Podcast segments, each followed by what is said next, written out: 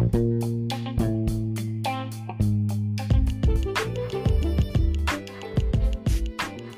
dia, boa tarde, boa noite. Meu nome é Gabriela e eu, Júlia, Luana, Lawane, Alice e Beatriz iremos falar um pouco nesse podcast sobre os valores olímpicos e paraolímpicos, além de explicar sobre o programa que leva esses valores para as escolas e como eles se aplicam.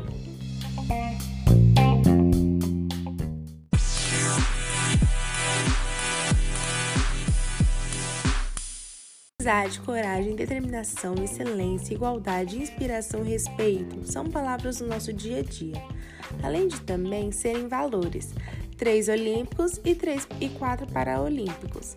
E esses valores ganham um significado ainda mais importante para quem pratica esportes e noteiam todos.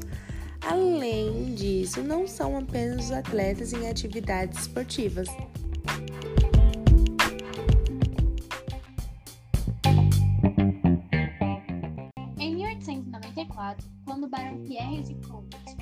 conhecido como fundador dos Jogos Olímpicos da Era Moderna, expôs o projeto de recriar os Jogos. Ele desejava, além do retorno da competição esportiva, mostrar a importância das atividades físicas na maneira de educar as crianças e os jovens.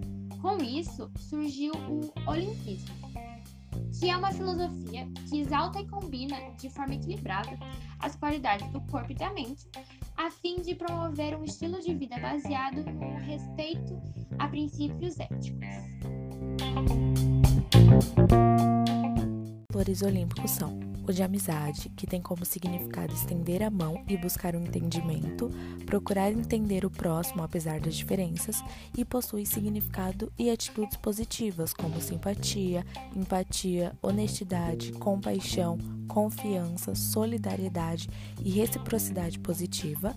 O respeito também é valor olímpico que preza o respeito às regras do jogo, honestidade, saber seus limites e tomar conta de sua própria saúde e do meio ambiente.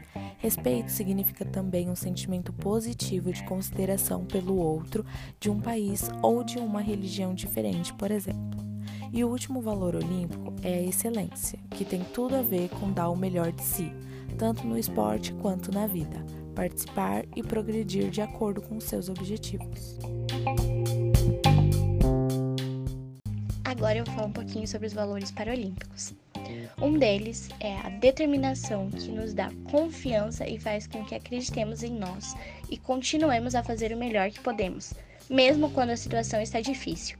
Ele ajuda a tomar uma decisão focando nos objetivos.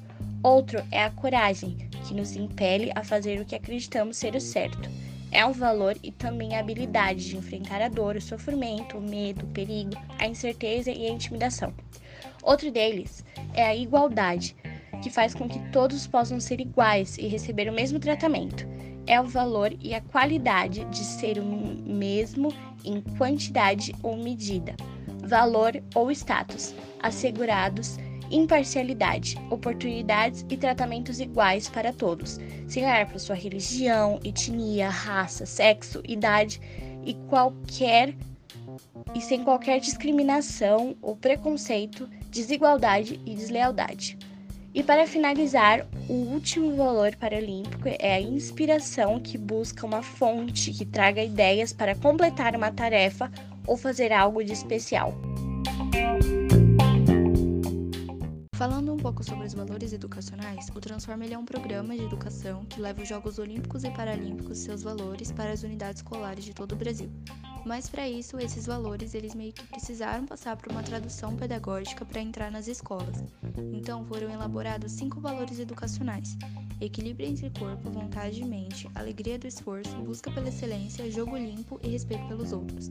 Esses valores, aplicados nas escolas, eles têm como objetivo uma melhor convivência escolar e possibilitar tanto crianças e jovens a crescerem representando modelos que incentivarão positivamente incontáveis pessoas ao longo de suas vidas.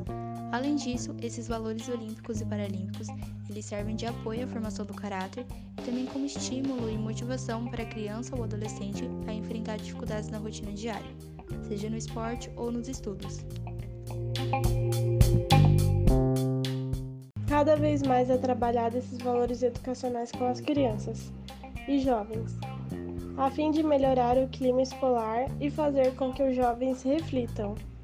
Inúmeros educadores inserem esse tema na vida dos jovens, já que a prática esportiva também proporciona o desenvolvimento da ética e da boa convivência. Bom, esses são os valores olímpicos e paralímpicos. Obrigada pela atenção.